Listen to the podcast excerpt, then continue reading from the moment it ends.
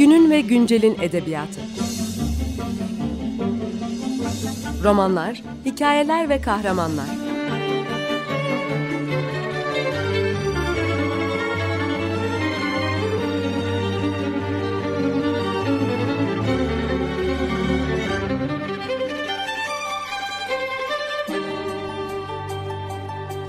Hazırlayan ve sunan Seval Şahin.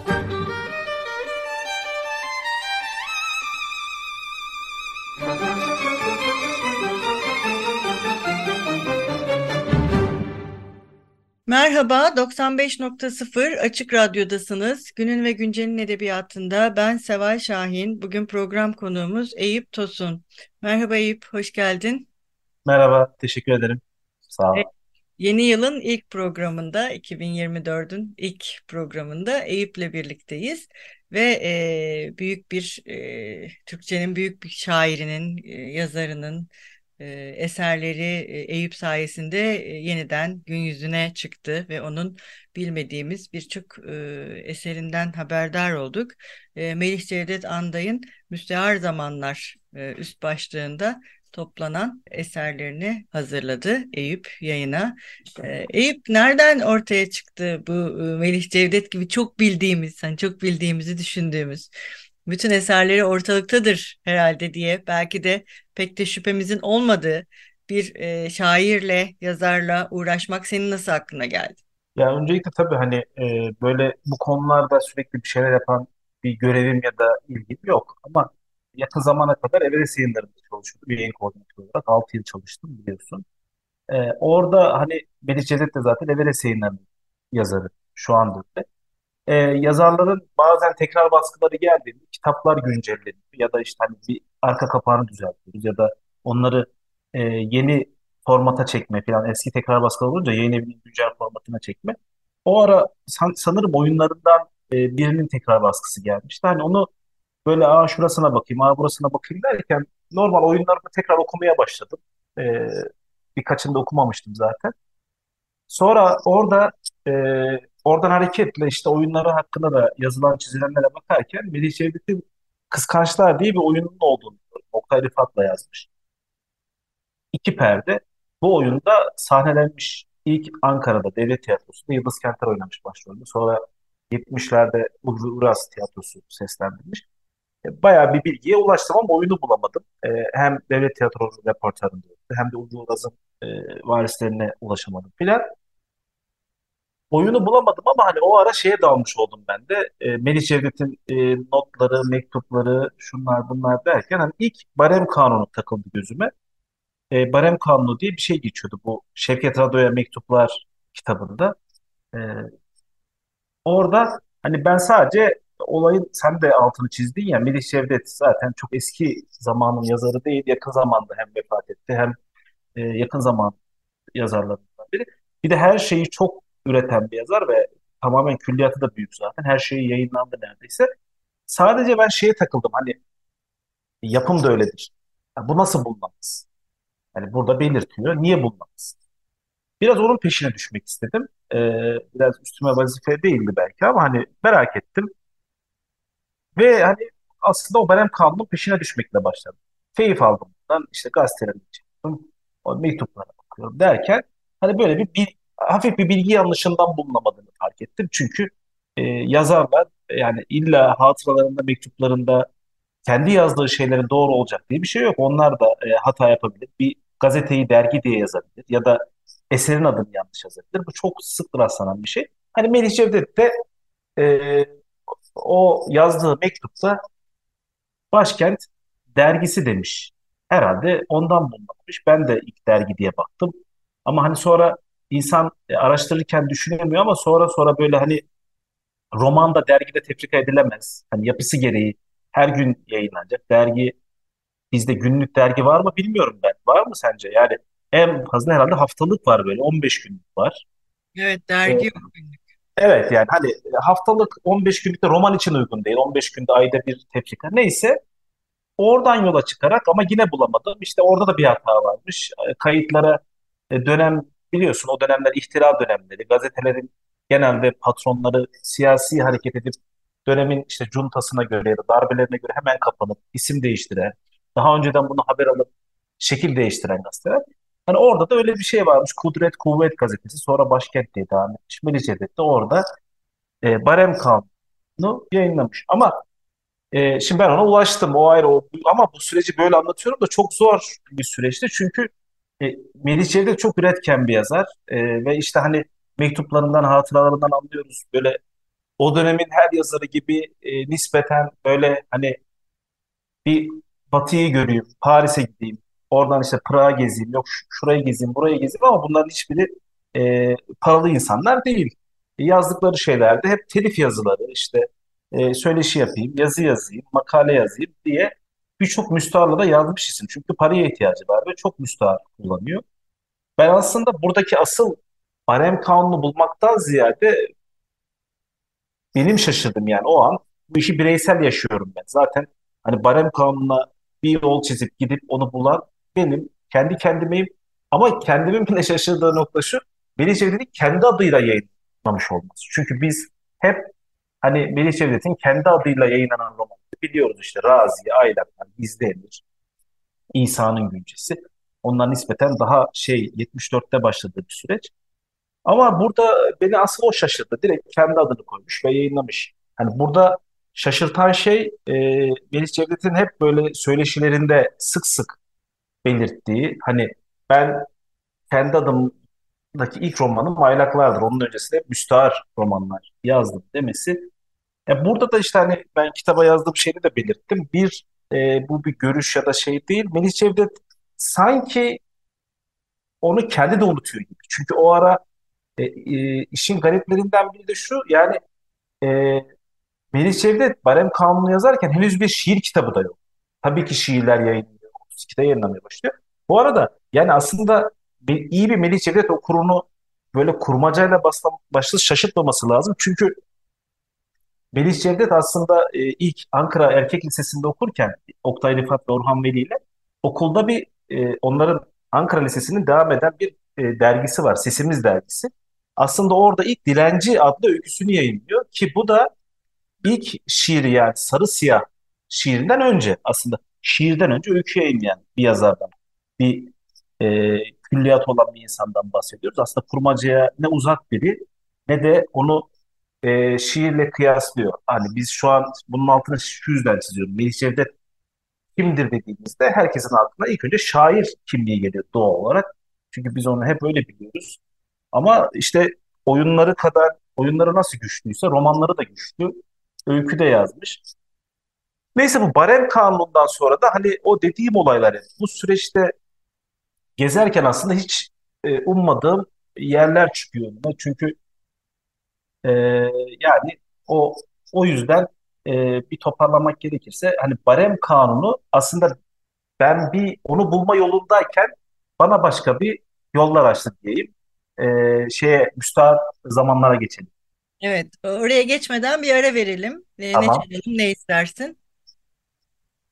E, ya burada şimdi sen davet edince aklıma geldi. Sanırım yakın zamanda da yayınlandı. Böyle Sezen Aksu'nun Rahatı Kaçan Ağaç. Direkt onu bestelememiş ama ona adapte sözler de yazmış.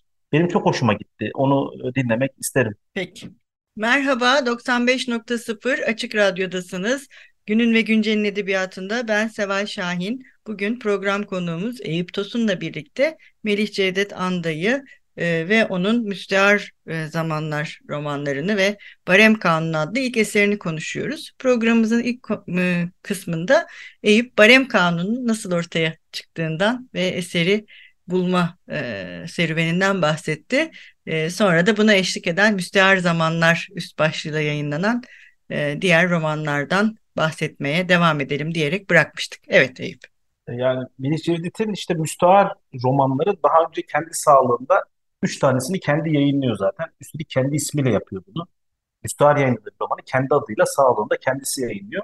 Vefatından sonra da 2007 yılında sanırım 2006-2007 yılında da İş Bankası'ndan iki müstahar romanı daha çıkıyor. Toplam beş müstahar romanı zaten ulaşmak isteyen için e, e, şu günce yani günümüzde basılmıyor ama sahaflardan, kütüphanelerden ilgilisi ulaşmış, okumuştur. Ama benim yine işte söyleşilerinden, özellikle Hıfzı Toplusu'da olan e, mektuplarından ya da işte bazı yazdığı e, mektup aralarından, satır aralarından bazı şeylere ulaştım. Hani dullar çıkmazı bunlardan birincisi. ismi geçiyor. Bir Gönülde iki Sevda isim olarak geçmiyor ama yine Hıfzı Topuz'la yazdığı bir roman olarak geçiyor. Ee, benim işte bu aşk okulu, bir yaz tatili veya işte e, bir kızın aşklarını bulma olayında yine Melih Cevdet'in söyleşileri. Yani satır aralarına indiğimizde e, bazen yanılıyor olabilir Melih Cevdet çok sık yazdığı için ama bir şey söylüyor ve ısrar ediyor. Hani bir yerde benim 7-8 romanım diyor. Tamam onu kabul ediyoruz. Ama bir yerde de 12-13 romanım. Bu müstahar romanlarını bahsediyor. Diğer romanları dahil etmiyor. O yüzden hani bir böyle e, kendimce alanı daralttım. Çünkü Melih Cevdet hep şeyin altını çiziyor. Ben bir Ankara yılları belli tarihlerin altını çiziyor. Bir de Melih Cevdet'te e, şöyle bir tavır var. Bunu mesela Naim Tirali'nin Tef dergisi için e, Hıfzı Topuz'a yazdığı anekdottan da anlıyoruz. Melih Cevdet bir yere yazı verecekse bir tane yazı verip orada kalmak istemiyor. Yani şu tavırda. Ben bunu sürdüreceksem bana yer verin. Çünkü yine derdim aslında telif. Bir, bir yerini sağlamak istiyor. Kendince bir yeri tanzim ediyor demek ki öyle. Aslında bunlar bana ipucu oldu ve Melih Cevdet'in bu şekilde e, ki ağına takılan gazetede yazı işleri müdürlüğü yapmış isimleri saptadım. Semih Tuğrul, Hıfzı Topuz ilk akla gelenler. Ve gazeteler işte yani hani Semih Tuğrul nerelere geçmiş, e, Hıfzı Topuz nerelere geçmiş veya işte o, o ara Vala Nurettin'le çok samimiler. İşte o acaba nerelerde yazmış, kimlerle ahbap? Benim aslında tamamen kafamda çizdiğim böyle tırnak içinde bir harita bunlardan oluştu. Ve hani yine anlatırken kolay oluyor, ulaşmak kolay olmadı ama böyle ağı o şeyi güzel kurunca aslında önümde bir tık tık tık tık tık tık açıldı. Ee, yine bunlara ulaşmak için birçok yoldan ve gazete ve dergiden geçtiğim için örneğin hani bu programda bunu ilk kez söyleyeyim.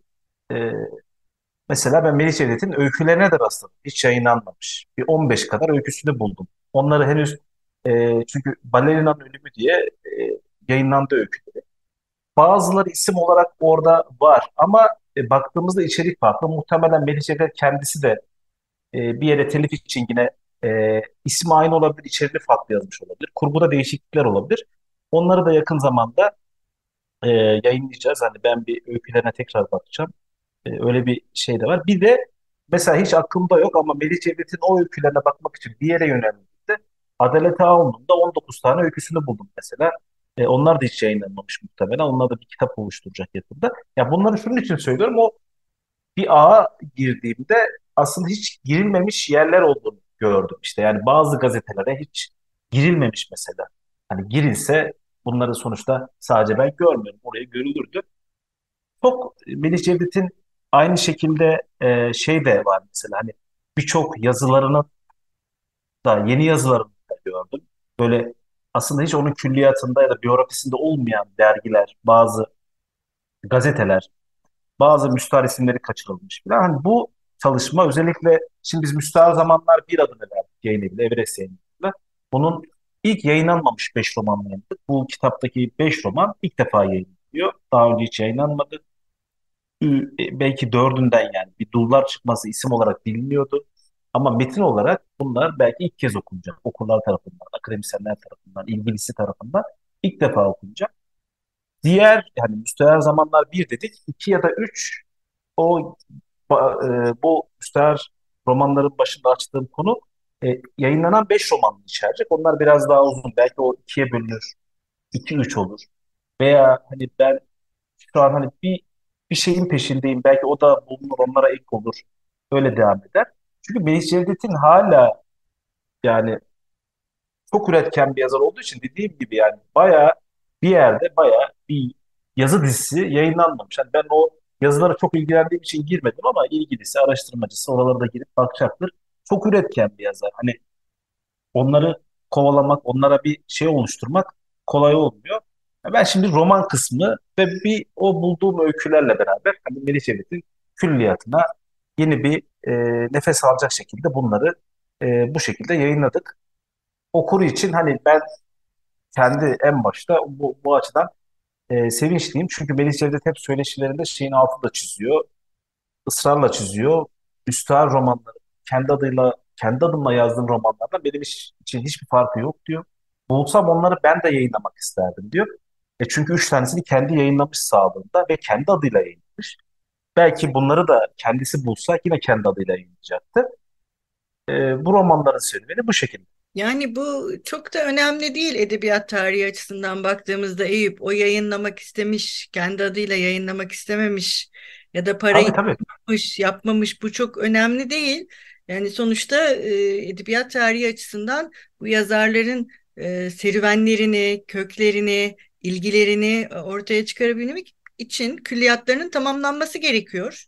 E, biz bakamayız yani orada biz bir bilimsel tavır olarak yazar şunu demiş, bunu demiş, hani olay buymuş. O bu, bence benim kanaatim bir hani akademisyen ve edebiyat tarihçisi olarak ben yani yazarın dediğinden çok metnin ne dediğiyle ilgilenmemiz ve e, onu edebiyat tarihine mal etmemiz gerekiyor. Bu da işte Türkiye'de arşiv çalışmalarının çok iyi yapılmamış olması, e, çok iyi kataloglamaların olmaması, var olan katalogların çoğunda hatalar bulunması, hala dijitalleştirmenin yeterli oranda yapılamaması gibi sebepler yüzünden bizim edebiyat tarihimiz böyle kazdıkça bir şeylerin çıktığı e, ve her seferinde ya bu da var mı diye bize şaşırtan bir e, ne diyeyim yapıya sahip aslında. İyi ki Kesinlikle.